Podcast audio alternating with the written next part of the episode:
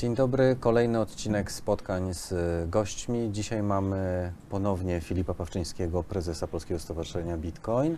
Dzień dobry, witam E, Państwa. I oczywiście grillujemy ostatnio bardzo popularny temat Bitmarket, ale w innym kontekście, tak? Jednak będziemy patrzeć na wiele lat wstecz i dlaczego mamy taką sytuację, a nie inną, że konsumenci zostali troszkę, przepraszam za kolokwializm, z ręką w nocniku. E, I no właśnie, Filip, cofnijmy się trochę wstecz i, i zacznijmy zupełnie od początku, bo ty dość długo przy tych e, działaniach regulacyjnych i proregulacyjnych, ale też rozmowach, jak powinien w ogóle rynek wyglądać, uczestniczysz. Trochę powiedz historii, jak to było, ale też powiedz, które elementy były dotykane i na jakim poziomie. No, temat, e, pomimo że aktualny i dosyć mocno grillowany, to niestety ciężki i każdy tego, każde tego typu działanie na naszym rynku, szczególnie rodzimym, e, no, wprowadza nas, ludzi, którzy ten rynek kreowali od początku, w takie ponowne zastanowienie nad tym, w Mhm. którą stronę idziemy my jako społeczność, bo jakby nie patrzeć, problem jest zawsze co najmniej Duży, dwufazowy. Tak? Mamy społeczność, która teoretycznie funkcjonuje i stara się działać e, wspólnie, a tak naprawdę działała w większości wspólnie ze względu na to, że były, było tych firm więcej, no i znaliśmy się przede wszystkim lepiej No tak. niż teraz. No i mamy tą drugą część, czyli te nasze próby wspólnego działania, e, żeby no, jakby nie patrzeć, do jakiejś regulacji doprowadzić. Oczywiście, że nigdy nie chodziło nam o regulację e, taką, która zablokuje możliwości i no, jak to e, można kolokwialnie powiedzieć, wyleje dziecko z kąpielą. Mhm. To nie o to chodziło nigdy, ze względu na to, że wszyscy pochodzimy z tego rynku, wszyscy e, rozumiemy, a przynajmniej powinniśmy rozumieć e, i w jakiś tam sposób kochamy się, kolokwialnie rzecz mówiąc, w Tak. koncepcji i w podejściu do możliwości, którą, które dają kryptowaluty. No tutaj mamy tą opcję, że trzeba, po, po, powinien być rynek u- uregulowany, trzeba współpracować wspólnie, żeby te regulacje nie były zaskakujące dla nas i niszczące, tylko żeby były odpowiednie. No i jakby nie patrzeć, te próby były od samego początku. Tak? E, Polskie Stowarzyszenie Bitcoin powstało w 2013 roku. E, No jakby nie Kawał patrzeć, czasu to już jest kawał czasu temu. Wtedy na świecie tak naprawdę nie było takich, dużo takich organizacji, bo Tak. byliśmy w pierwszej trójce organizacji, które faktycznie zostały zarejestrowane przez jakikolwiek rząd. No i od tamtej pory i organizacje się zaczęły, yy, kolokwialnie mówiąc, sypać e, i ludzie, którzy działali w tych organizacjach, y, no też zostały im obnażone ich błędy, które, e, no wiadomo, błąd jest rzeczą ludzką, ale warto się na nim nauczyć. Kto nie pracuje, nie popełnia błędów. To też jest Oczywiście. fakt. I... Warto się na nim nauczyć, ale żeby się na nim móc nauczyć, najpierw trzeba wiedzieć, że to naprawdę jest błąd, bo Tak. tutaj, mamy, tutaj mamy tak naprawdę ten największy problem, że ludzie e, popełniając te, te błędy nawet nie są w stanie, nie mają chęci, nie mają Mhm. odwagi najczęściej przyznać się do tego, żeby móc wyciągnąć to, co faktycznie powinni z, z, z, z, tego błędu i nauczyć się na tym błędzie, nie popełniając go ponownie. No i tutaj tak naprawdę nasz rząd robi podobnie, bo to rząd to też ludzie, Tak. E, i, i jest to rze- e, rzeczą ludzką popełniać te błędy. My zaczęliśmy od w 2000 tak naprawdę 14 roku, Mhm. patrząc na to, w jaki sposób e, na świecie, e, w którym kierunku na, na świecie e, idzie ta regulacja, mm, przed wypuszczeniem dokumentu e, BitLicense, który jest najstarszym e, tego typu dokumentem na świecie, jest on mocno obciążający ze względu na to, że jest to, e, że, że, że muszą po, pod niego podlegać firmy, które są zamieszczone w stanie Nowy Jork, który wiadomo zna Ma kwestie tak. regulacji, ma, ma ograniczenia. No oczywiście jest umieszczony blisko NYSA i blisko innych e, działalności finansowych dużego świata finansowego.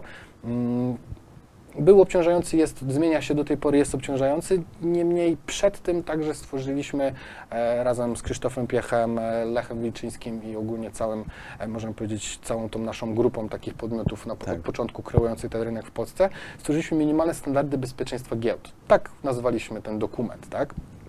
E, patrząc datowo, e, to był wrzesień 2014 roku. No to już 5 lat temu, tak? Tak, tak. To 5 lat, to już było 5 lat temu. Od tamtej pory dużo się zmieniło i nie, nie mówię tylko i wyłącznie o kursie bitcoina czy o ilości Mhm. e, mocy haszującej. E, dużo się zmieniło ogólnie w społeczności, w podejściu ludzi, w podejściu do biznesu i w podejściu do prowadzenia tego typu zdecentralizowanych biznesów. Pojawiło się Ethereum, ICO, e, no i inne projekty, które tak naprawdę udają kryptowaluty, które też zrobiły które też były problemem. Wracając do minimalnych standardów e, bezpieczeństwa giełd. E, Nazwa robocza, ze względu na to, że nawet e, dzisiaj patrzyłem na dokument, to była ta wersja z, września była 11 wersją roboczą. Myślę, że wersja 12, o ile dobrze pamiętam, trafiła także do Ministerstwa Finansów e, jako e, Mhm. Czyli to takie też w tym okresie właśnie wrzesień? tak, to był, to był październik. To był koniec Październik, października. mhm. Dokładne daty i te dokumenty, wszystkie są na stronie Stowarzyszenia w dziale dokumenty, więc można A, sprawdzić. no okej, czyli to jest dostępne. Dostaliśmy e, po wysłaniu e, tego pisma do Ministerstwa e, Finansów, dostaliśmy odpowiedź od Ministerstwa Finansów, która też jest zamieszczana na e, stronie stowarzyszenia, mm, z takim, można powiedzieć, lekkim podziękowaniem e, za naszą pracę, za to, że faktycznie jako e, nowa branża, bo wtedy to była bardzo nowa branża, Bardzo, obroty były małe, e, wartość nie była tak, tak, tak duża jak teraz ogólnie rynku, więc można powiedzieć, że to była bardzo młoda branża, ale już zakawająca o te podejście finansowe, więc już chcieliśmy odpowiednio to kreować. E, tak nawet 5 lat temu oczywiście. E, Więc odpo od- odpowiedź jest jednostronicowa. Wyciąg z tego jest taki, że Ministerstwo Finansów, patrząc na regulacje europejskie, nie jest w stanie powiedzieć, w, którym stronie, w, w którą stronę pójdą regulacje tego sektora, e, ale nie, nie jest tam napisane, że tych regulacji nie będzie, tylko jest opisane, że po prostu nie wiadomo, w którą stronę jeszcze pójdą, że dziękuję za informację i na pewno, jeśli będzie taka potrzeba, to merytorycznie, ze względu na podejście merytoryczne odezwą się do społeczności, żeby można było e, to z ekspertami oraz z ludźmi, którzy na tym rynku są e, tak nowym, e, konsultować. W, między, w międzyczasie się zmienił rząd. E, Tak, w międzyczasie się Pięć zmienił lat rząd. minęło. E, Pięć lat minęło, pomiędzy tym jeszcze była sytuacja związana z e, pierwszą grupą roboczą w Ministerstwie Cyfryzacji, No gdzie te minimalne standardy bezpieczeństwa giełd już staraliśmy się ubrać w o wiele bardziej profesjonalną formę, bardziej rozszerzoną, patrząc na to, co się stało e, z, także z BitLicense, bo po tych naszych minimalnych standardach bezpieczeństwa giełd zostało wydane już to finalne Mhm. BitLicense. Em, więc trochę popatrzyliśmy, co się dzieje w Japonii, trochę popatrzyliśmy, co się dzieje w Stanach z BitLicense, no i zostały, można powiedzieć, minimalne standardy bezpieczeństwa podwyższone i e, powstał kanon dobrych praktyk. Ze względu na to, że e, z samej nazwy kanon jako dobrych praktyk istnieje w wielu różnych branżach, więc chcieliśmy nie odbiegać od, e, można powiedzieć, podejścia rynkowego Tak. w innych branżach, nie tylko finansowych i chcieliśmy stworzyć taki kanon dla naszej branży. I to kiedy było? To było w 2016 roku. Czyli dwa lata później właściwie już ewoluowało dość zdecydowanie i zaczęło Tak, przybierać oczywiście. takie formy standardowe właściwie dla wielu branż. Dokładnie tak. E, W związku z tym, że była wtedy przychylność e, tamtejszej minister cyfryzacji, czyli pani Strzyżyńskiej, która, e, która zaprosiła branżę tak naprawdę do Tak. rozmów, został stworzony strumień blockchain i kryptowaluty. Na początku się Tak. nazywał, później DLT, blockchain, DLT i waluty cyfrowe ze względu na tą poprawność Słynny polityczną. skrót trzyliterowy. Tak, jak można zauważyć. I tak, skrót literatowy pojawił się po tym, jak wyszedł ten słynny em, raport Banku Centralnego Anglii, gdzie tak naprawdę ten termin został stworzony jako coś, co jest nadrzędne do technologii blockchain. No my oczywiście zastanawialiśmy się wtedy, czy e, Dropbox z mm, zamieszczonymi dokumentami Excel to także jest e, DLT. No i wychodziło nam, że w definicji tak. Znaczy z ich definicji tak, Tak, generalnie dużo rzeczy Jak najbardziej mieści, tak. Oczywiście teraz mamy już e, bardziej rozwiniętą technologię, Mhm. technologię e, dużych korporacji, że to tak nazwę, gdzie mm, blockchain bądź też delta jest już ubrane w trochę większą e, taką kanwę technologiczną. E, Jest oczywiście to jak najbardziej dobre z tej strony rozwoju technologii, e, no ale w związku z tym, że to nie są technologie open, e, Mhm. to tak jakby w Ale moim jest- obszarze zainteresowania. Ważne jest też to, co powiedziałeś, że to słowo kryptowaluty jeszcze 3 lata temu, bo to jest mniej więcej okres 3 lata wstecz, nie był taki dezawuujący w ogóle całe środowisko, tak, tak jak jest w tej chwili. A myślę, że też z tego, co powiedziałeś do tej pory, też wynika jedna rzecz dla to, od czego zaczęliśmy, że regulacje, które były tworzone na polskim rynku przez grupę zapaleńców wtedy, tak, bo ta, tak naprawdę ta ilość osób działających w blockchainie i w ogóle w krypto była bardzo mała, e, bardzo mała. sięgają początków bitmarketu. E, Tak, oczywiście. No, Bitmarket powstał w 2014 roku po, no tak naprawdę, po pierwszym dużym, może znaczącym Mhm. w zerach, to tak mówimy, znaczącym w zerach e, wzroście wartości bitcoina, czyli po grudniu 2013 Tak. roku, kiedy otworzył się rynek chiński. Em, powstało tam wtedy wiele giełd i no, jakby nie patrzeć, wartość została naprawdę mocno podniesiona, żeby nie używać słowa spompowana.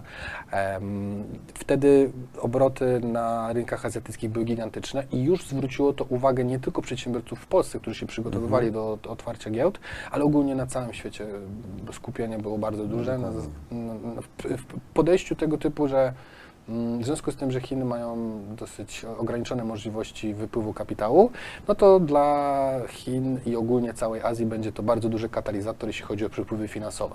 Więc no, było to naturalne, że na całym świecie zaczęły powstawać kolejne e, giełdy, a wtedy e, PLN jako e, para był pierwszej piątce.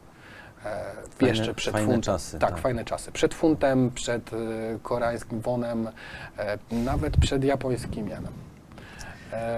Więc tak, były, były wtedy te obroty. Oczywiście one nie były duże w stosunku do tego, jakie są teraz. Niemniej jednak procentowo i statystycznie no, byliśmy w pierwszej piątce, jeśli chodzi o obroty na No. parze PLN. Tak? Dokładnie.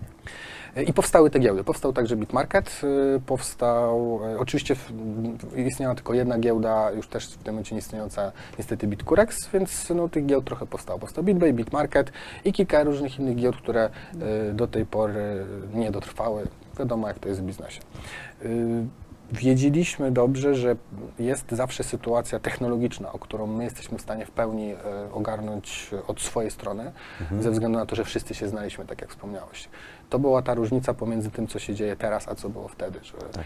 tworząc To stowarzyszenie, y, tak naprawdę była to grupa osób, które wszyscy się znali ze względu na to, że tworzyli ten rynek i no, nawet nie chodziło o kontrolę, chodziło o wspólną wymianę informacji i tak naprawdę problemów y, po stronie bankowej, które wtedy się pojawiały. Ale też stworzenie formalnego organizmu, tak? Oczywiście, właśnie po to, żeby można było występować jako społeczność w Dokładnie. stosunku do władz. Tak? Dlatego e, minimalne standardy bezpieczeństwa giełd oprócz e, Instytutu e, Wiedzy i Innowacji prowadzonego przez e, profesora Krzysztofa Piecha mm, było także też Polskie Stowarzyszenie Bitcoin, które po prostu sygnowało ten dokument ze względu na to, że po pierwsze był tworzony w naszych strukturach, po drugie no, byliśmy Mhm. wspólnie, wspólnie organizacją, która, która była w stanie reprezentować rynek wtedy. Jeśli chodzi o, ogólnie o podejście do, do, do tej regulacji, o- od, od czego wyszedłem, chcieliśmy, żeby nie było możliwości e, blokowania rozwoju rynku. Chcieliśmy, żeby tak naprawdę pokazać rynkowi już istniejącemu e, finansowemu w Polsce, że my także chcemy być normalnymi uczestnikami tego rynku. Przede wszystkim e, dlatego, co wspomniałaś na samym początku, że finalnie ten konsument, który jest naszym klientem, niestety najbardziej problemowy jest ten konsument najmniej e, wyedukowany, który No, usłyszał od taksówkarza, fryzjera bądź też kolegi, że ktoś zarobił na bitcoinach i chciałby go kupić. No i to są inwestorzy bądź też klienci, konsumenci, jak każdy, inni, jak każdy inny na naszym rynku. Niemniej to jest konsument, na które, po którego trzeba najbardziej dbać. Trzeba mu przypominać, że to jest ryzykowne. Trzeba e, dawać e, odpowiednie narzędzia w odpowiednim Tak. momencie. No, a do tego są potrzebne dwie rzeczy. Albo zgodność rynku, której no, prawda jest taka, że w rosnącym e, zapotrzebowaniu na usługi e, podejście biznesowe i podejście przedsiębiorcze często wyklucza współpracę z innymi. Mhm. E, Z drugiej strony mamy rynek regulacyjny, gdzie delikatne, odpowiednie regulacje, dobrze wprowadzone w odpowiednim czasie, zabezpieczałyby takiego klienta, wymagałyby oczywiście też odpowiedniego podejścia na, e, do, do, do, do rynku przez te podmioty. E, No ale patrząc na to, w jaki sposób rozwija się rynek Forex, e, to oprócz składania No bardzo wielu różnych dokumentów do KNF-u, mamy też bardzo róż, dużo różnych podejść do bezpośredniego konsumenta, ostrzeżenia, odpowiednie regulaminy.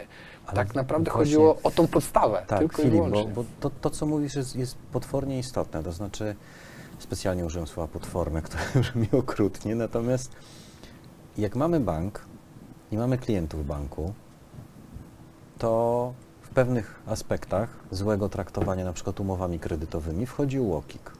W naszym wypadku nie mamy nic. Jesteśmy klientem, tak jak powiedziałeś, mało wyedukowanym, Przecież mam takie same prawa jak klient bardzo wyedukowany. Idę i sobie coś tam gmeram, założę sobie wallet, chcę sobie kupić, przeleję z karty Oczywiście, kredytowej. tak powinno być. za- To jest Tak. technologia, którą powinniśmy próbować i, i się Właśnie. starać się jej nauczyć. I co? I jeżeli coś się stanie, tak naprawdę zostaje sam sobie. Czyli mimo, że w zeszłym roku była próba PCC, jest mówienie ciągle o podatkach i tak dalej, czyli jednak płacenie normalnych jakby jałmużny dla państwa, tak? Znowu moje ulubione słowo, tak? To nie mamy za to nic. Znaczy w sensie takiego konsumenta. Znaczy ten konkretny konsument nie dostaje za to nic, no właśnie dlaczego? Bo przecież kurczę mówisz, że w 2014 powstał pewny, pewien zapis, w 2016 dużo lepsza wersja. Rozszerzenie oczywiście. Mało tego, środowisko w tym okresie jest dość homogeniczne, jednak wszyscy się znają i mają, Jeszcze raczej, tak. i mają raczej spójną wizję całej przyszłości. My, my też tego nie rozumieliśmy. E, tak naprawdę, e, bo wspomniałeś o tym środowisku, to było kilkadziesiąt osób, to było prawie No 70 ekspertów, tak? To już nawet tyle, tyle miała cała grupa, więc można powiedzieć, że nawet jeśli podzielimy to e, na cztery i będzie to 25% osób, to jest naprawdę sporo ludzi, którzy Sporo. pro bono e, poświęcili bardzo dużo czasu na spotkania nie tylko w grupach wewnętrznie, tylko także zewnętrznie z wszystkimi służbami. Naprawdę mieliśmy spotkania, no może nie co miesięczne, ale co dwumiesięczne, co najmniej to było kilka spotkań, pięć, sześć spotkań, gdzie były, no jak my to mówiliśmy, wszystkie trzy literówki.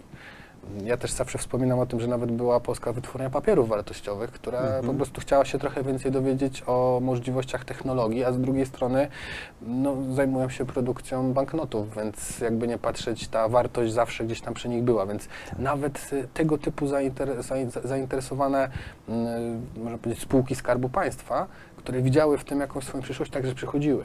No, ale jak już trzeba było coś zrobić więcej, to zabrakło woli, nie wiem, czy to Różdżki bardziej woli było, tak? politycznej, czy bardziej e, ryzyka kogoś. Każdy po prostu wolał nie tykać tego tematu, bo on był skomplikowany. Chociaż z drugiej strony, jeśli ma się grupę ekspertów odpowiednią, która, no umówmy się, każdy z nas tam funkcjonujących, mimo że rynek był młody, już naprawdę swoje zrobił, więc merytorycznie nie było potrzeb szukać kogoś innego i podchodzić tak naprawdę do, do zagadnień typowo e, czy biznesowych, czy, mm, czy, czy technologicznych od innej strony. I to było na tyle, to nas najbardziej dziwiło, że w sumie osobą, która najwięcej skorzystała, była sama pani minister. I bardzo dobrze, ktoś musiał z tego skorzystać. Szkoda Mhm. tylko, że branża na tym straciła.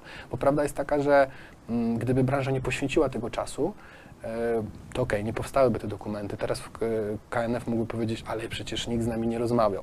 Więc tak jakby tu mamy plus, że byliśmy, staraliśmy się i naprawdę Są dokumenty ślady, są. Od wszędzie 14 dokumenty są, roku tak. są dokumenty, są ślady, a w tym momencie no, tak naprawdę znowu uderzamy głową o ścianę i stoimy przy, przy, przy, przy ścianie, chcę- która nie jest w stanie... Chciałbym trochę y, tą wypowiedź jeszcze pokazać w innym świetle, to co teraz mówisz.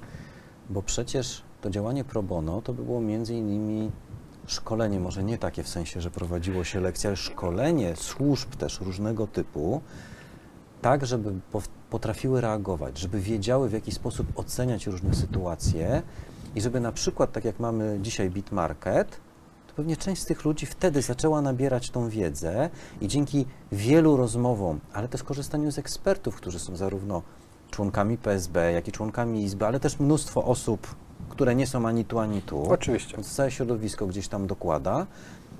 Tak naprawdę dzięki temu całość funkcjonuje. I teraz mamy taką sytuację, że z drugiej strony nie mamy nic, ale myślę, że warte to jest podkreślenia, żeby nie było tak, że to o, bo to polityka, bo to jakaś opcja i tak dalej. 2014 rok jest zdecydowanie przed wyborami do, ostatnimi do parlamentu i 2016 już jest po. Czyli tak naprawdę mamy sytuację, gdzie nie ma znaczenia opcja. Nie ma znaczenia opcja, mówimy bardziej o sytuacji niezauważania technologii, ale też nowych finansów w ogóle przez, przez nikogo z polityków, Mm, tak? Niezauważania, oczywiście przede wszystkim niesłuchania, bo prawda jest taka, że no, tak jak wspomniałeś, tak, my, my, byliśmy my jako grupa, ale było Mhm. też dużo innych ludzi, którzy na to zwracali uwagę. E, No tak. Na nasze spotkania przychodziła też prokuratura. Proku- To, co wspomniałeś, że byli ludzie, którzy się szkolili, oczywiście, przychodziła prokuratura, e, ludzie z prokuratury też chcieli wiedzieć, jak zabezpieczać takie e, środki, e, w jaki sposób podchodzić do tego strony technologii. I jakby nie patrzeć, są odpowiednie, e, może nie regulacje, ale są odpowiednie pisma i odpowiednie wydawnictwa, Tak. wewnątrz prokuratur, które już pozwalają w jakiś sposób funkcjonować, więc można powiedzieć, że to nie jest tak, że nie zyskaliśmy nic, ale na pewno zyskaliśmy o wiele mniej niż powinniśmy. Nie dlatego, że, znaczy pewnie finalnie ktoś nie chciał, ale to też nie było tak, że ktoś musiał sam to robić, tego po prostu nie słuchał.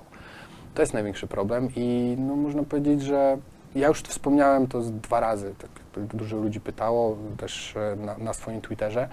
Mm, Nie obarczam bezpośrednio ustawodawcy winą za to, co się stało, ale bardzo dużo wynikowych tej sytuacji Mhm. bę- będą tylko i wyłącznie, zaistnieją tylko i wyłącznie dlatego, że tak naprawdę nie ma żadnej obrony konsumenta, a sam rynek w sobie y, jest w tym momencie na tyle mały ze względu na to, że podmioty, które naprawdę dużo potrafiły zarabiać i potrafiły, y, no, miały tak naprawdę największy biznes w tym, żeby tego typu regu- regulacje lobować, tworzyć poprzez prawników, poprzez e, różne Mhm. tego typu instytucje, takie jak Izba czy Stowarzyszenie, teraz są już poza granicą. Więc teraz mamy now, znowu nowy rynek, nowych ludzi i to nie jest dla nas minus. To czym więcej ludzi, tym lepiej. Ale znowu już się nie znamy wszyscy. Już nie jesteśmy w stanie przy problemach z wypłatą zadzwonić do właściciela giełdy i spytać, słuchaj, co tam się dzieje u Ciebie? Wszystko dobrze? Może Ci coś pomóc? Może problem z tym, może tamtym? My mieliśmy w tamtym tygodniu problem z takim walletem. Już tego nie ma. Już powchodzili nowi ludzie. To samo się stało z Bitmarketem. Bitmarket e, zmienił właściciela, był prowadzony przez, różnych, przez różne osoby i my w, tak jakby od półtora roku, y, odkąd y, Mariusz odszedł y, z, ze swojego stanowiska, no nie mieliśmy informacji, co tam się dzieje. A i nie mieliśmy też możliwości w jakikolwiek sposób, może wymóc to jest złe słowo, ale poprosić o te informacje. Ale widzisz, trochę też ta praca wasza 2014-2016 dążyła do tego, tak, żeby nie mieć właśnie takiego przełożenia, bo normalnością na rynku jest to, że on rośnie i Tak. normalne też jest to, że pewne procedury, nie nazywajmy tego do końca regulacjami, bo to słowo też tak jak kryptowaluty w Polsce jest odbierane tak. pejoratywnie, ale pewne procedury wprowadzone w odpowiednim momencie zapewniają bezpieczeństwo, tak? Bo ty nie musisz dzwonić do kolegi, który jest współwłaścicielem na przykład giełdy, bo coś tam się z walletem dzieje, tylko ty jesteś spokojny, bo są tak procedury ułożone, że nic się złego nie zadzieje po prostu i tego nam trochę brakuje.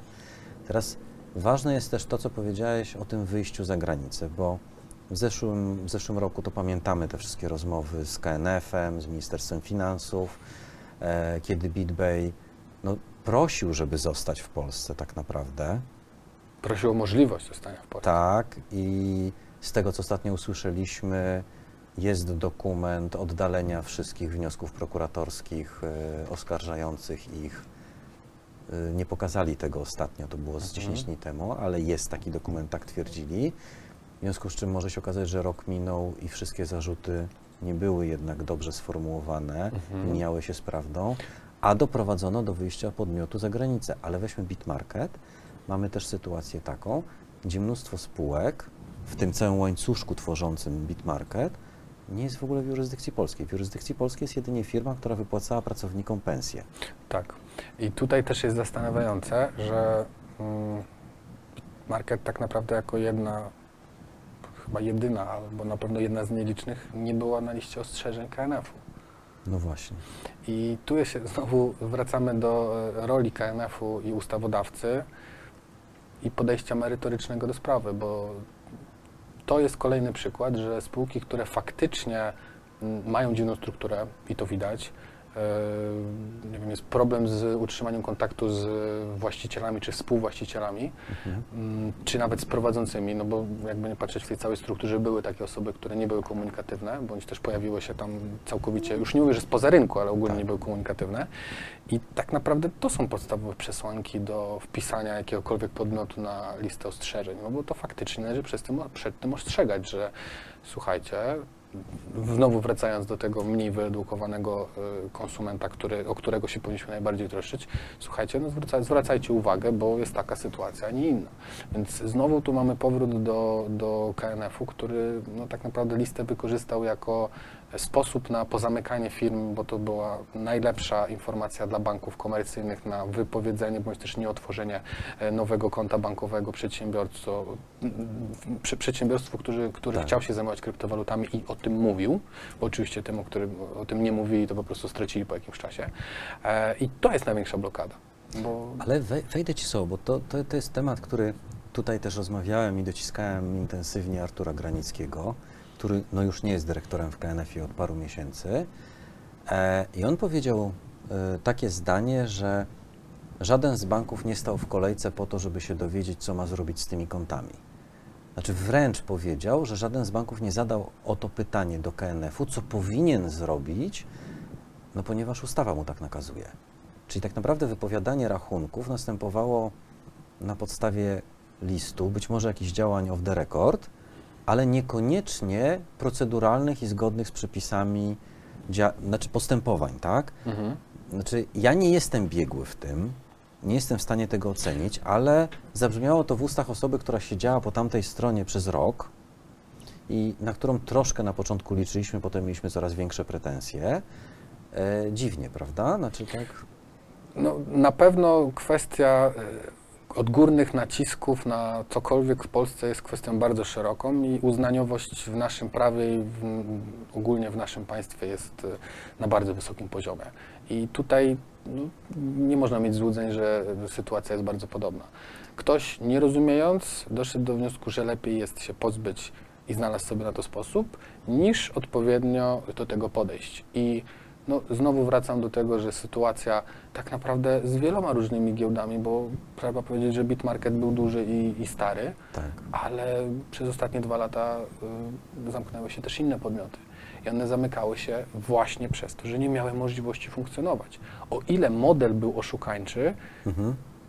powiem szczerze, że wątpię, ze względu na to, że no, każdy, kto prowadzi taką działalność i prowadzi ją odpowiednio i ma na to szansę odprowadzić ją odpowiednio, powie szczerze, że to jest kura znosząca złote jaja. Oczywiście. Więc no, nie zamyka się takich biznesów i nie wychodzi się z y, pięcioma procentami możliwego do osiągnięcia profitu w ciągu najbliższych kilku lat, jeśli regulacja będzie odpowiednia i pozwoli na funkcjonowanie. Znowu z drugiej strony, jeśli nie te firmy, to przyjdzie ktoś inny, to będzie próbował jeszcze inaczej. Może model będzie jeszcze bardziej piramidalny, oszukańczy. Tego nigdy nie wiemy, ale czym więcej ludzi, którzy, którzy widzą w, w tego typu biznesie tylko możliwość szybkiego zarobku, tym my mamy większy problem. A bez regulacji nie jesteśmy w stanie sobie z nimi poradzić, żeby móc chociażby na początku sprawdzić, co to są za ludzie. Ale było to widać na tym spotkaniu ostatnio, gdzie były wszystkie giełdy, nawet GPW było wtedy, e, gdzie jakby różnicy takiej mentalnej między GPW a giełdami krypto nie było, natomiast było ewidentnie w sposobie jakby procedowania, tak, że jednak GPW jest jakoś tam regulowana, e, trochę prowokuje właśnie mówiąc jakoś, tak, bo je- jest inaczej niż, niż giełdy e, krypto, natomiast e, ma te procedury, ewidentnie ma te za, zabezpieczenia i bezpieczniki, które się włączają w odpowiednich momentach. E, jasnym też jest dla wszystkich, że są takie miejsca, a znamy takich przypadków z całego świata, tak, że nawet najlepsze, największe giełdy, znacznie większe od GPW, miały wpadki, że potrafiły osoby, które miały złą wolę, przejść ich zabezpieczenia, bo wiedziały jak. Oczywiście. E, więc tego nie unikniemy i nie mówmy, że a, bo to jest złe, bo po prostu ludzie tacy są, że część z nich próbuje coś tam wykręcić, zawsze. Natomiast tu, tu ewidentnie mieliśmy taką sytuację. Mieliśmy kilka małych giełd, które są startupami na różnej fazie rozwoju, GPW i BitBaya, który is- istnieje też ileś lat i koniec. I z tego rynku, który był taki, jak ty mówiłeś, że wytworzył sobie tą pierwszą regulację, potem kanon praktyk, nagle zostajemy, że ta giełda, która jest największa krypto, to już nie jest w Polsce, bo ona jest zarejestrowana na Malcie. I tutaj Paweł Sobkow o tym, o tym mówił, bo on reprezentuje jakby formalnie ten podmiot. E, i, I nie mamy nic. Wszystko startupy mamy praktycznie, tak? No, no, tak naprawdę patrząc na rozwój rynku, jesteśmy w tym samym miejscu, tylko ludzie coraz gorzej to postrzegają ze względu na to, że są jednostki, które tracą środki. No właśnie. To jest niestety ten problem i prawda jest taka, że jeśli e, my wspólnie, nie pokazując tej naszej historii, która jest zbudowana i jest oznaczona, e, pokazując tego, jaka jest wypadkowa, co się tak naprawdę stało, a tak naprawdę co się nie stało Mhm. e, po drodze, no nie będziemy mieli szansy, żeby pójść dalej. Ale zobacz Filip, bo padło, padło też takie zdanie, bo to nawet e, Sylwester przywołał kanon praktyk. Powiedział to trochę w takim kontekście, tak, były już takie próby w PSB, żeby wprowadzić pewną regulację, taką wewnętrzną i nic z tego nie wyszło. No i ma słuszny żal, tak? Znaczy z punktu widzenia biznesmena, który prowadzi biznes, ma słuszny żal, bo jemu by zależało, żeby to było i żeby on był chroniony. Bo to nie jest tylko ochrona dla konsumenta, ale to jest też danie mu tak naprawdę pewnego menu, jak ma się posługiwać Tak, tą oczywiście. giełdą, że on wie, że to może, a tego nie może. A tak to co on ma sobie wymyślić? Dokładnie Przecież tak tam, teraz tam padło jedno zdanie, gdzie mamy sprzeczność. y, chodzi o te dowody diabelne, o Mhm. przesyłanie zdjęć, gdzie mamy sprzeczność w tej chwili prawną i nasz, nasz regulator jakby nie, zresztą nie tylko nasz, bo europejski też, e, nie rozwiązał tego problemu, że z jednej strony nie wolno nam zbierać tego, bo podlegamy odpowiedniej karze, i z drugiej strony musimy to zbierać. Różnica jest tylko taka, że za jedno się płaci 100 tysięcy kara, a za drugie się idzie do więzienia. Tak. No, patrząc na to, w jaki sposób wyglądają przepisy AML KYC ogólnie w Europie i w jaki sposób e, podmioty obowiązane e, akurat w Polsce powinny je przestrzegać, to faktycznie jest tutaj rozejście pomiędzy jednym a drugim.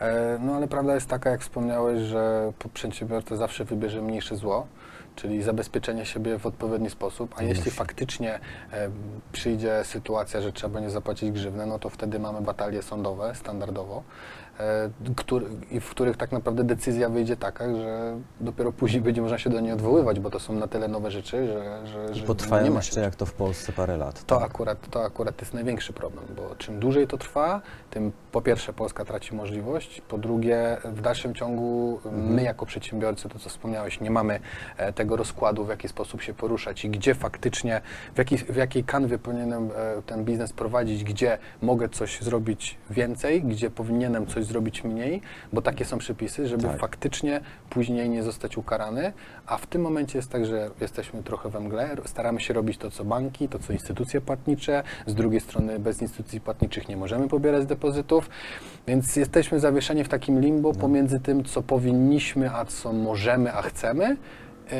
a finalnie wychodzi z tego to, że i tak, i tak jak się... Ale powiedzmy, powiedzmy sobie jeszcze jednej paranoi, tak, która rzeczywiście brak regulacji powoduje.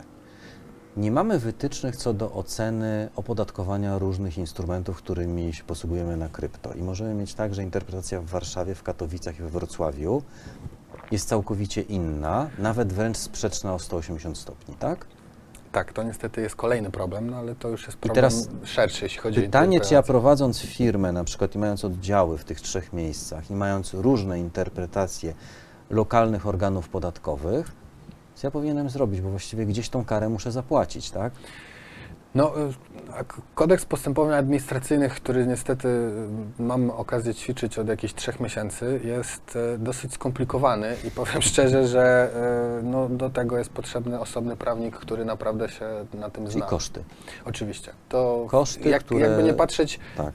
ta walka czy zabawa, bo to dla niektórych z boku może wyglądać jak zabawa, dla firmy, przedsiębiorcy plus dla osoby przykładowo teraz poszkodowanej w tej sytuacji to jest walka, e, no to po drugiej stronie zawsze mamy tą niewiedzę i przypuszczalność, no i oczywiście uznaniowość prawa. To jest standard. Wrócę na chwilę jeszcze do, do tego 2016 roku i kanonu praktyk, bo to, to, to jest ważna baza. Powstały pewne dokumenty.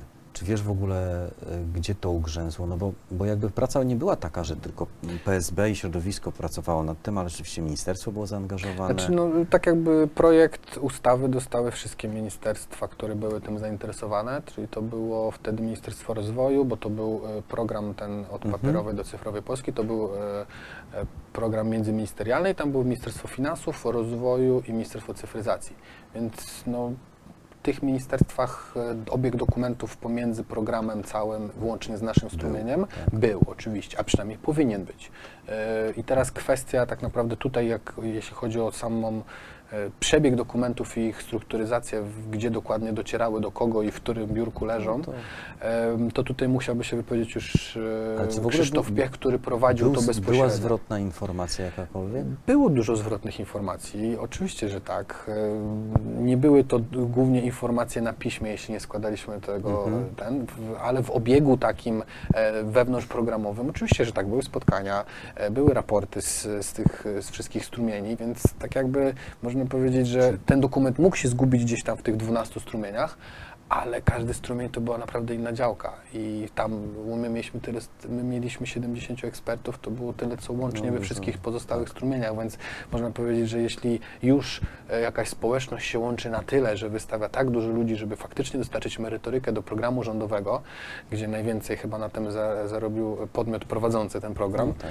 e, bo był też takowy, no to powinno to być odebrane jako chęć współpracy i na pewno No bardziej powinno. wykorzystane, bo była możliwość wykorzystania tego Dobrze, i bardziej. to jest ucięte w momencie odwołania minister, tak? Bo tak naprawdę wtedy to ugrzęzło. Znaczy można powiedzieć, że wtedy też się skończył program, tak? Po odwołaniu, y, nie pamiętam dokładnie jak to było z datami, ale przy odwołaniu też nie, niebawem się kończył program, pro, cały projekt. Program się skończył, y, ten od papierowej do cyfrowej Polski, no i można powiedzieć na zakończeniu programu powstała konkluzja z, każdych, e, z każdego strumienia. Czy, czy jakby to, co było przygotowane, mogłoby w tej chwili, w tej sytuacji, którą mamy z Bitmarketem, w jakikolwiek sposób pomóc poszkodowanym? Bo o to głównie chodzi, tak? Bo jakby fakt, że nie ma Bitmarketu jest przykry, ale tak naprawdę najbardziej boli to ludzi, którzy stracili pieniądze. Tak, oczywiście. Znaczy, pytasz, czy były w tych e, zapisach tak, czy by mechanizmy, które by pomogły? Tak, zabezpieczyły ich, czy też wskazały wcześniej, że będzie problem, tak? Były mechanizmy e, od strony technologicznej i od strony takiej, kolokwialnie rzecz mówiąc, e, papierowej czy tam dokumentów, które mogłyby na pewno wykazać wcześniej problem z brakiem depozytów bądź też z problemy ogólnie w obrocie finansowym. Z drugiej strony struktura bitmarketu, patrząc na no, ta struktura też była e, Złożona dosyć, złożona, tak. ale była złożona dlatego, żeby można było funkcjonować odpowiednio w Europie. To też nie była struktura, która powstała, bo każdemu się tak chciało. Nie, to była struktura, która powstała na początku e, w taki sposób, żeby w Polsce nie było problemu, ale e, prowadzący Bitmarket od razu mówili, że jeśli w Polsce będzie to ustrukturyzowane, nie będą mieli problemu z podatkami, z innymi rzeczami, które, Mhm. kto- pod które mogą podejść prowadząc taki biznes, to, to, to nie jest żaden problem, żeby, żeby, żeby firma została umieszczona e, bezpośrednio w Polsce, a nie na sz- szeselach. Więc tak jakby były mechanizmy, które mogły spokojnie doprowadzić do tego, że byłoby bezpieczniej, a, a z drugiej strony bardziej kontrolowalnie.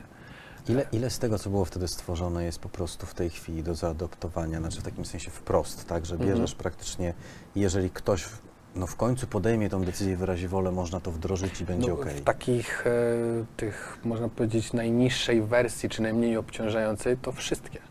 Prawda jest taka, że czas poszedł tak do przodu i możliwości i technologiczne, i ogólnie prawne, e, różnego Mhm. typu podejścia na całym świecie, no, że w tym momencie warto się odnieść do tego, co się dzieje w Szwajcarii, Japonii i na Malcie, Mhm. e, dopasować to do, e, do tego, co było w kanonie i, i do, do, do po polskich możliwości i mamy naprawdę dokument, który no, odgrzany, ale w dalszym ciągu aktualny. I to nie jest dużo pracy, dużo pracy zostało wykonane.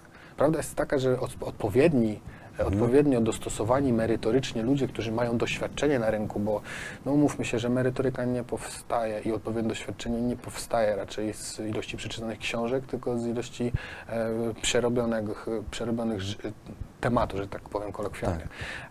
Więc e, no, mamy możliwości w dalszym ciągu. Kwestia, że jeśli chcemy uratować rynek złotego w tym momencie, no to znowu trzeba się połączyć, po, razem wspólnie całym rynkiem powalczyć, już nie patrząc na to, czy to jest giełda XYZ, czy to jest Kantor, czy to jest inna firma, razem wspólnie się połączyć, Tak.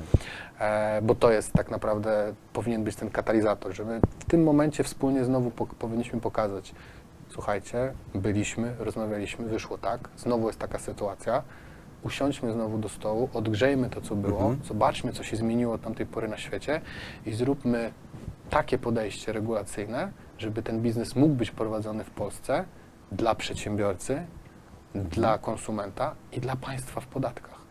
To jest największy problem, że państwo nie widzi tego, a to Krzysztof Piach niewielokrotnie liczył jakie przychody mogą, mógłby mieć polskie państwo ze względu na odpowiednie podejście regulacyjne do tego typu biznesu. Bo to już nie chodzi tylko o polskich przedsiębiorców. My byśmy byli w stanie, tak jak Malta, ściągać ludzi z zagranicy. Dokładnie. Malta to zrobiła. nawet, że poprzeć Twoje zacytuję zeszłoroczne, bo mieliśmy kolejną próbę w zeszłym roku, tak? Rozpoczęła się w zeszłym roku, skończyła się fiaskiem w tym, znaczy, bo nie wiemy tak naprawdę, jak się skończyła. Tak, tak, chodzi o raport. Natomiast to było w maju, taka rozmowa była w KNF-ie i pamiętam, że na pytanie jeden z panów z Ministerstwa Finansów, na moje pytanie zresztą, jeżeli by wykonali regulację dopuszczającą ICO, STO i całą resztę w Polsce, to jakiego kapitału, przypływu kapitału oczekują? I odpowiedź padła, że podobnego jak od 92 roku, w przeciągu dwóch lat.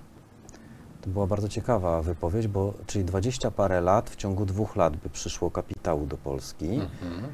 No i potwierdził rzeczywiście wtedy, że 2-3% y, podatków pośrednich, co jest naturalne, tak, za zakładanie spółek, pracowników i tak dalej, by trafiło do ministerstwa.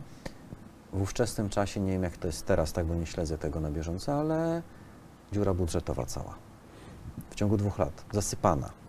To jest dużo i nie był w stanie odpowiedzieć, znaczy odpowiedział, bo tak, na Mhm. pytanie, dlaczego tego nie robimy. Więc to jest, to jest pewien problem, ale powiedzmy sobie o tym, co się działo w zeszłym roku jeszcze. Bo tutaj była taka próba jeszcze już nie taka jednolita, nie taka homogeniczna, tylko jakby to środowisko już było trochę poszarpane, tak? Były różne grupy interesów. Zresztą struktura tego tworzenia raportu KNF-u wymuszała to, tak? Tak. Bo miałeś kantory, giełdy, tak, ale miałeś też ICO oddzielnie i tak dalej. Tam były cztery, cztery jakby ciągi, które były opracowywane. No właśnie, no i my mieliśmy taką fajną pracę i gdzieś tam w lutym tego roku zniknęła z widoku po pewnych zmianach, które nastąpiły. No tak, z tego co.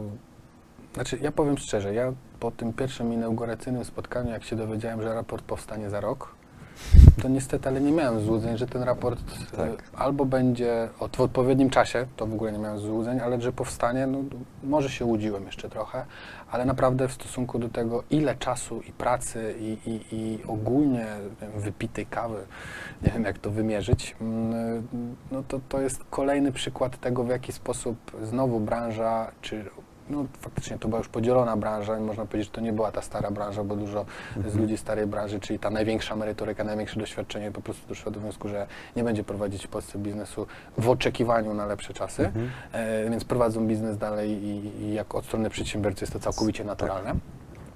E, Więc tak, te podejścia były, ale to, to już było widać, że jest dużo grup interesów, to co wspomniałeś, ale jednak tych ludzi znowu było dużo. To znowu było kilkadziesiąt dużo. osób, które znowu podeszło do tematu bardzo optymistycznie. No i myślę, że po tym inauguracyjnym spotkaniu dużo osób już nie było tak optymistycznych, jak usłyszało, tak samo jak ja po, o tym roku. Ale praca trwała, tak? Przez cały rok praca trwała. Wspomniany e, Artur Granicki był, e, był na swoim stanowisku i faktycznie według tego, co on mówi, próbował tyle, ile był w stanie i raport teoretycznie został skończony, ale nigdy nie został Nigdy go nie widzieliśmy. Nigdy go nie widzieliśmy. Tak. Tak. No Więc e, no, ja też, jak wypowiadając się o raporcie, to zawsze mówię o, o, o grupach roboczych, tylko i wyłącznie o raportach w cudzysłowie. No, Artur, Artur wspomina, że on powstał, tylko nie został upubliczniony. No okej, jemu. Wierząc jemu, niech, niech będzie, że powstał, nie został upubliczniony, ale dla nas, jako społeczności, właśnie. on nigdy nie powstał, bo Ale to, że mamy- pracowaliśmy nad nim, a nie mamy go wystawionego na stronach KNF-u i on faktycznie merytorycznie ma to, co powinien mieć, a nie został zmieniony w takiej formie, żeby był, nie wiem, łagodny i bardziej strawny albo odpowiednio e, u, u, ukierunkowany w stosunku do tego, co chce osiągnąć KNF, patrząc na banki i tak No dalej. tak, tak. E, no, nie ma tego, nie widzieliśmy. Nie- Fajnie nie się ma. mówi o czymś, co niby Fajnie, jest. tak, znaczy możemy opowiadać, zwłaszcza, że czytaliśmy pewnie i ty i ja wszystkie te elementy, co były przysyłane nam Tak, intensywnie tak, no tam tych wersji roboczych było bardzo dużo i one, ja dalej mam je na mailu, oczywiście, Tak. że tak i to jest fajnie, ale dopóki to nie zawiśnie oficjalnie, no to można powiedzieć, że to jest... Tylko niby- właśnie, bo to już był pierwszy krok taki, w którym powstawał raport, który nie był czymś jak kanon praktyk, bo kanon praktyk był próbą takiego uregulowania wewnętrznego rynku, czyli ludzie, którzy go tworzyli, powiedzieli, dobra, my się będziemy, my chcemy się poddawać pewnym zasadom, tak? E, raport właściwie jest funkcją opinii KNF-u, która mówi, nie wiem, do Ministerstwa Finansów, pewnie jeszcze do kilku ministerstw, słuchajcie, generalnie przepisy prawa ustawowo trzeba by zmienić w takim kierunku. Czyli on tak naprawdę nie wnosił nic w sensie regulacji. Znaczy, no właśnie i to jest ciekawe, bo teoretycznie tak powinno być po raporcie. Czyli raport Tak. powinien wprowadzić tą wartość merytoryczną po to, żeby czy, ludzie czytający raport i tworzący legislację mogli ją w odpowiedni sposób dostosować. Zrozumieć te aspekty tak, przygotowane do informacji, bo, Dokładnie. no bo mamy cały poczet, Tak. cały raport, tak? Em, myślę, że sam raport w sobie nie miał e, takich e, Nie miał. już regulacyjnych zakusów, ale miał być źródłem wiedzy dla regulatorów. I to też było naszym celem wcześniej w Ministerstwie Cyfryzacji. Tak. Zapraszaliśmy po to wszystkich, e, wszystkich zainteresowanych, wszystkie ministerstwa i służby i tak dalej na te nasze spotkania po to, żeby tą merytorykę i, tę, e, i tą wiedzę wynikającą z doświadczenia także mogły od nas No czerpać. tak. Więc tutaj w formie raportów, oczywiście my też porobiliśmy raporty na stronach Ministerstwa Cyfryzacji, w archiwum fakt faktem, ale w dalszym ciągu są. I od strony prawnej, i od strony tak jakby to, że kryptowaluty są legalne i w jaki sposób można ich używać em, za pomocą przepisów istniejącego prawa. Oczywiście od tamtej pory się dużo zmieniło e, z jednej strony na lepsze, z drugiej strony na inne. Ale, ale nie wiem, czy pamiętasz taką scenę, Stanisław e, przyniósł na jedno spotkanie KNF-u wydrukowane trzy- 30 czy 40 kopii czegoś tam, pewnych raportów z Ministerstwa Cyfryzacji i rozdał wszystkim. Tak. I wielki rozgardiaż powstał, bo się okazało, że coś, o czym mówimy, że można by przygotować, było przygotowane dwa lata prawie wcześniej. Tak jest, tak jest. Było, było straszne, znaczy w sensie takim poznawczym było straszne. No, powstały te podstawowe rzeczy, tak? Powstał właśnie e, ten przegląd prawa polskiego, powstał e, nawet taki słownik definicji. E, No i oczywiście powstał ten dokument, o którym wspomniałeś, to był dokument związany z badaniem właśnie rynku i opisem. On był typowo stworzony na bazie funkcjonującego wtedy rynku kryptowalutowego w No Polsce i dobra, na świecie. Filip, ale teraz mamy taką sytuację. No nie ma tego raportu, dobra, nie ma. Ale teraz jest szykowany kolejny. Jest grupa jakichś osób z Uniwersytetu Warszawskiego, która podpisała jak, jakąś umowę, czy porozumienie, czy nie wiem, zlecenie z KNF-em Mhm. i szykują jakiś raport. Nie jest, nie jest śmieszne, że w ogóle mówimy, że nie wiemy o tym Znaczy, no, nic? Znaczy, z jednej strony jest to śmieszne, ale w związku z tym, że mnie już te rzeczy nie śmieszą, to mogę powiedzieć, że to jest przykre. E, bo no, prawda jest taka, że ja patrząc na rynek, Mhm. jak on funkcjonuje, e, no ja mogę powiedzieć szczerze, że znam wszystkich na tym rynku, z którymi jest warto rozmawiać, a przynajmniej na poziomie merytorycznym takim, żeby były zainteresowane tym ministerstwa czy e, ogólnie administracja. I jeśli widzę grupę ekspertów, najczęściej te, teoretyków, ekspertów, cu, znaczy w cudzysłowie ekspertów, teoretyków e, Mhm. e, pragmatycznie, mm, to znowu zastanawiam się tak naprawdę o co tutaj chodzi. Czy to jest kwestia tego, żeby zbudować grupę, która będzie totalnie kontrolowana i tak naprawdę dostanie dokumenty, pod którymi tylko się podpisze nazwiskami? Em, i, I jaki to będzie miało wydźwięk dalej? Bo jeśli, mówię, no są, nawet niech będzie temat prawny, jeśli są prawnicy, którzy faktycznie robią coś długo, to ich jest kilku. E, Wiemy i dobrze. oni- no i w wiemy dobrze, którzy to są, mamy- tak. tak znaczy. I wiemy dobrze, że ci prawnicy, y, no jak współpracują, to współpracujemy razem, ze względu Tak. na to, że strona prawna, strona tech- technologiczna, e, strona biznesowa. Prawnik może być biznesmenem, ale już ciężko jest mu być technologiem odpowiednim. Połączyć to wszystko w jednej osobie jest naprawdę trudno. Tak. No, po, powiem szczerze, że są takie przypadki, ale masz rację, najczęściej nie da rady. E, I jeśli mamy grupę, która jest przykładowo zbudowana z 80% ludzi zajmujących się prawem ogólnie, niezwiązanym z kryptowalutami, nie mają doświadczenia, no to teraz jest kwestia tak naprawdę o co tutaj chodzi. Mamy grupę ekspertów, która jest zaangażowana w rynek i pro bono y, robi y, naprawdę dobrą, merytoryczną robotę po to, żeby ten nie, rynek nie budować. słyszałem, czy pro bono, czy nie, ale raczej nie pro bono. No, E, No, znaczy, tak jakby grupa ekspertów pro bono, Tak. to pa- pa- patrząc tak jakby na nas i na, na nasze działania. I mamy z drugiej strony grupę, nie wiadomo, ale najprawdopodobniej opłaconych pseudoekspertów i teoretyków, która ma za zadanie dostarczyć teraz coś, co nie udało Mhm. się przez ostatnie 5 lat ponad Ale nie, ale, kilkudziesięciu osobom, które taki rynek tworzą od początku. No to, ale to brzmi fajnie, prawda? KNF i Uniwersytet Warszawski. nie no, znaczy chyba UW, tak, bo to tak Uniwersytet UW, Warszawski, bo to jest tak, tak. No nie no, UW to UW. No, UW to UW, to Okej. za długa nazwa, nie? Okej. Więc e, brzmi tak, brzmi jak najdobrze. KNF, UW to brzmi naprawdę dobrze. E, no ale, Ale pytanie, co, z powiem- tego, co z tego wyjdzie? Powiem coś wrednego, nie powiem kto to powiedział, ale usłyszałem ostatnio, no KNF tam z jakąś szkołą podpisał porozumienie i robią raport i po prostu to słowo szkoła mnie zabiło w kontekście UW, e, ale no właśnie, trochę tak to zaczyna wyglądać, że jest próba obejścia w ogóle całego środowiska. I teraz wrócę specjalnie trochę, żeby klamrą zamknąć jakby całą rozmowę do bitmarketu, bo powiedzieliśmy dużo detali, tego się nie da odpowiedzieć w takim czasie, ale mamy teraz taką sytuację, że jest ileś prób regulacyjnych, teraz coś się dzieje, co jest w jakiś sposób z dużą premedytacją, no nazwijmy to tak, robione z pominięciem środowiska w ogóle, które w tym uczestniczy przez wiele lat. I, i mamy taką sytuację, że mamy sprawę bitmarketu. Mm, Wiemy, że były całkiem sprawne działania organów y, ścigania w międzyczasie, bo dostawaliśmy różnego typu sygnały, jakby pod y, zarządem prokuratury w Olsztynie, żeby, żeby wspomóc tych poszkodowanych. Czyli były jakieś ruchy robione. Bardzo dużo osób i myślę, że warto podkreślić, że nie ma co opowiadać, że to PSB, czy Izba, czy ktoś tam jeszcze.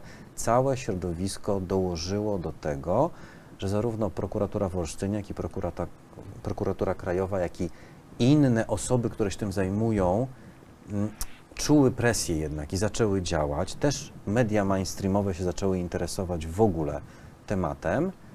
No i nagle dzisiaj słyszymy, tak właściwie wczoraj już były takie przebąkiwania o przeniesieniu sprawy zamiast do prokuratury krajowej do, do Suwałk. Nie mamy tego w żaden sposób potwierdzonego, natomiast jest to jakiś szok duży, tak? Znaczy, bo no my sobie zdajemy sprawę mniej więcej, gdzie i w jakim rejonie Polski te organa są na tyle rozbudowane i, i przeszkolone. To, co mówiłeś wcześniej, bo jakby cały strumień PSB i ludzie związani z krypto szkolili przez lata tych ludzi, więc wiadomo, gdzie ci ludzie pracują. Oczywiście. I to raczej nie są suwałki, acz fajnie by było się mylić, tak? No tutaj akurat mówię, jeśli ta informacja się potwierdzi, to mamy tutaj, no można powiedzieć, na dwoje babka wróżyła kolokwialnie. Albo będzie to plus taki, że faktycznie y, tam będzie na tyle spokojnie, że będzie można to spokojnie poprowadzić i Może wyjdzie z tego tak, merytoryka, tak. może sprawniej, bo mniej obciążone i tak dalej. No i mamy tą drugą stronę, gdzie no, wyślijmy to tam, bo tam to skończy po prostu, umrze śmiercią naturalną. I to niestety jest problemowe. Ja też y, patrząc na całą sytuację i w jaki sposób wygląda środowisko w tym momencie, jak jest z jednej strony połączone, z drugiej strony podzielone, z drugiej strony poszarpane, tak jak mówisz, trochę za granicą, trochę w Polsce, e, chciałbym, żeby y, całe środowisko zwróciło uwagę na to, co się dzieje, w jaki sposób jesteśmy w stanie niestety z tej złej sytuacji, ale w dalszym ciągu pokazać swoje, użyć tej Mhm. sytuacji jako katalizatora, żeby pokazać tą całą drogę, pokazać to, w jaki sposób i pracowaliśmy, pracujemy i chcemy dalej pracować, w którym kierunku idziemy. Nie po to, żeby dzielić środowisko, e, tworzyć e, nowe struktury po to, żeby pewne osoby były w stanie e, coś więcej osiągnąć. To nie o to chodzi.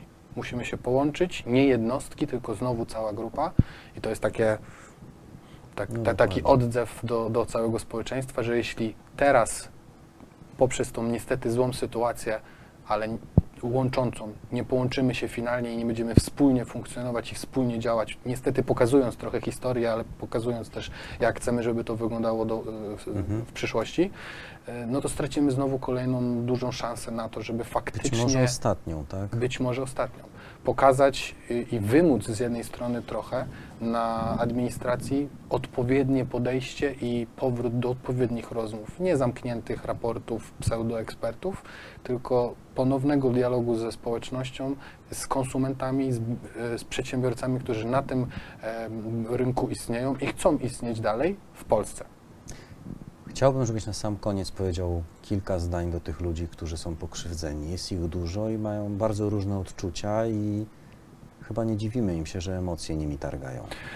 Nie, no oczywiście. No, tak jakby sytuacja straty, ym, szczególnie finansowej, jest ciężka dla każdego. I nie ukrywam, że jak ja się dowiedziałem o całej sytuacji, to byłem daleko poza Europą i ani nie byłem w stanie uczestniczyć wcześniej w spotkaniach, ani nie byłem w stanie się bardziej wypowiedzieć. Dopiero te wszystkie informacje do mnie Mhm. spływały. No i to też jest taki minus, bo nagle wszystkie informacje musiałem z całych dwóch tygodni przyswoiłem w dwa dni. Więc muszę powiedzieć, że ja akurat jako osoba istniejąca w tym środowisku od samego początku jest mi bardzo przykro z jednej strony, że tak wyszło, z drugiej strony jestem bardzo zdenerwowany, że tak wyszło, e, bo mieliśmy dużo szans jako środowisko, żeby odpowiednio się pokazać. I z drugiej strony mieliśmy też, chcieliśmy, żeby te możliwości były wykorzystane poprzez, e, poprzez administrację i poprzez odpowiednie podejście. Więc to, co chciałem powiedzieć, to to, że jest mi bardzo przykro, niemniej trzeba powstrzymać emocje, podejść na chłodno do sprawy, ze względu na to, że pewnych rzeczy już się nie da odwrócić, Tak. wyciągnąć wnioski i dla siebie prywatnie, jako inwestor, jako konsument i jako cała branża. No i mam nadzieję, że e, legislacja jako podejście do, do nas, jako do branży i do regulacji także wyciągnie odpowiednie wnioski z całej tej naszej ponad pięcioletniej historii. E, I powiem na zakończenie, mm, wszyscy, którzy są poszkodowani, kontaktujcie się z nami, kontaktujcie się między sobą, nie musicie do nas się kontaktować, ale twórzmy jednak jedną grupę. E, dziękuję bardzo. Dzisiaj gościem był Filip Pawczyński, prezes Polskiego Stowarzyszenia Bitcoin. Dziękuję bardzo. Dziękuję bardzo.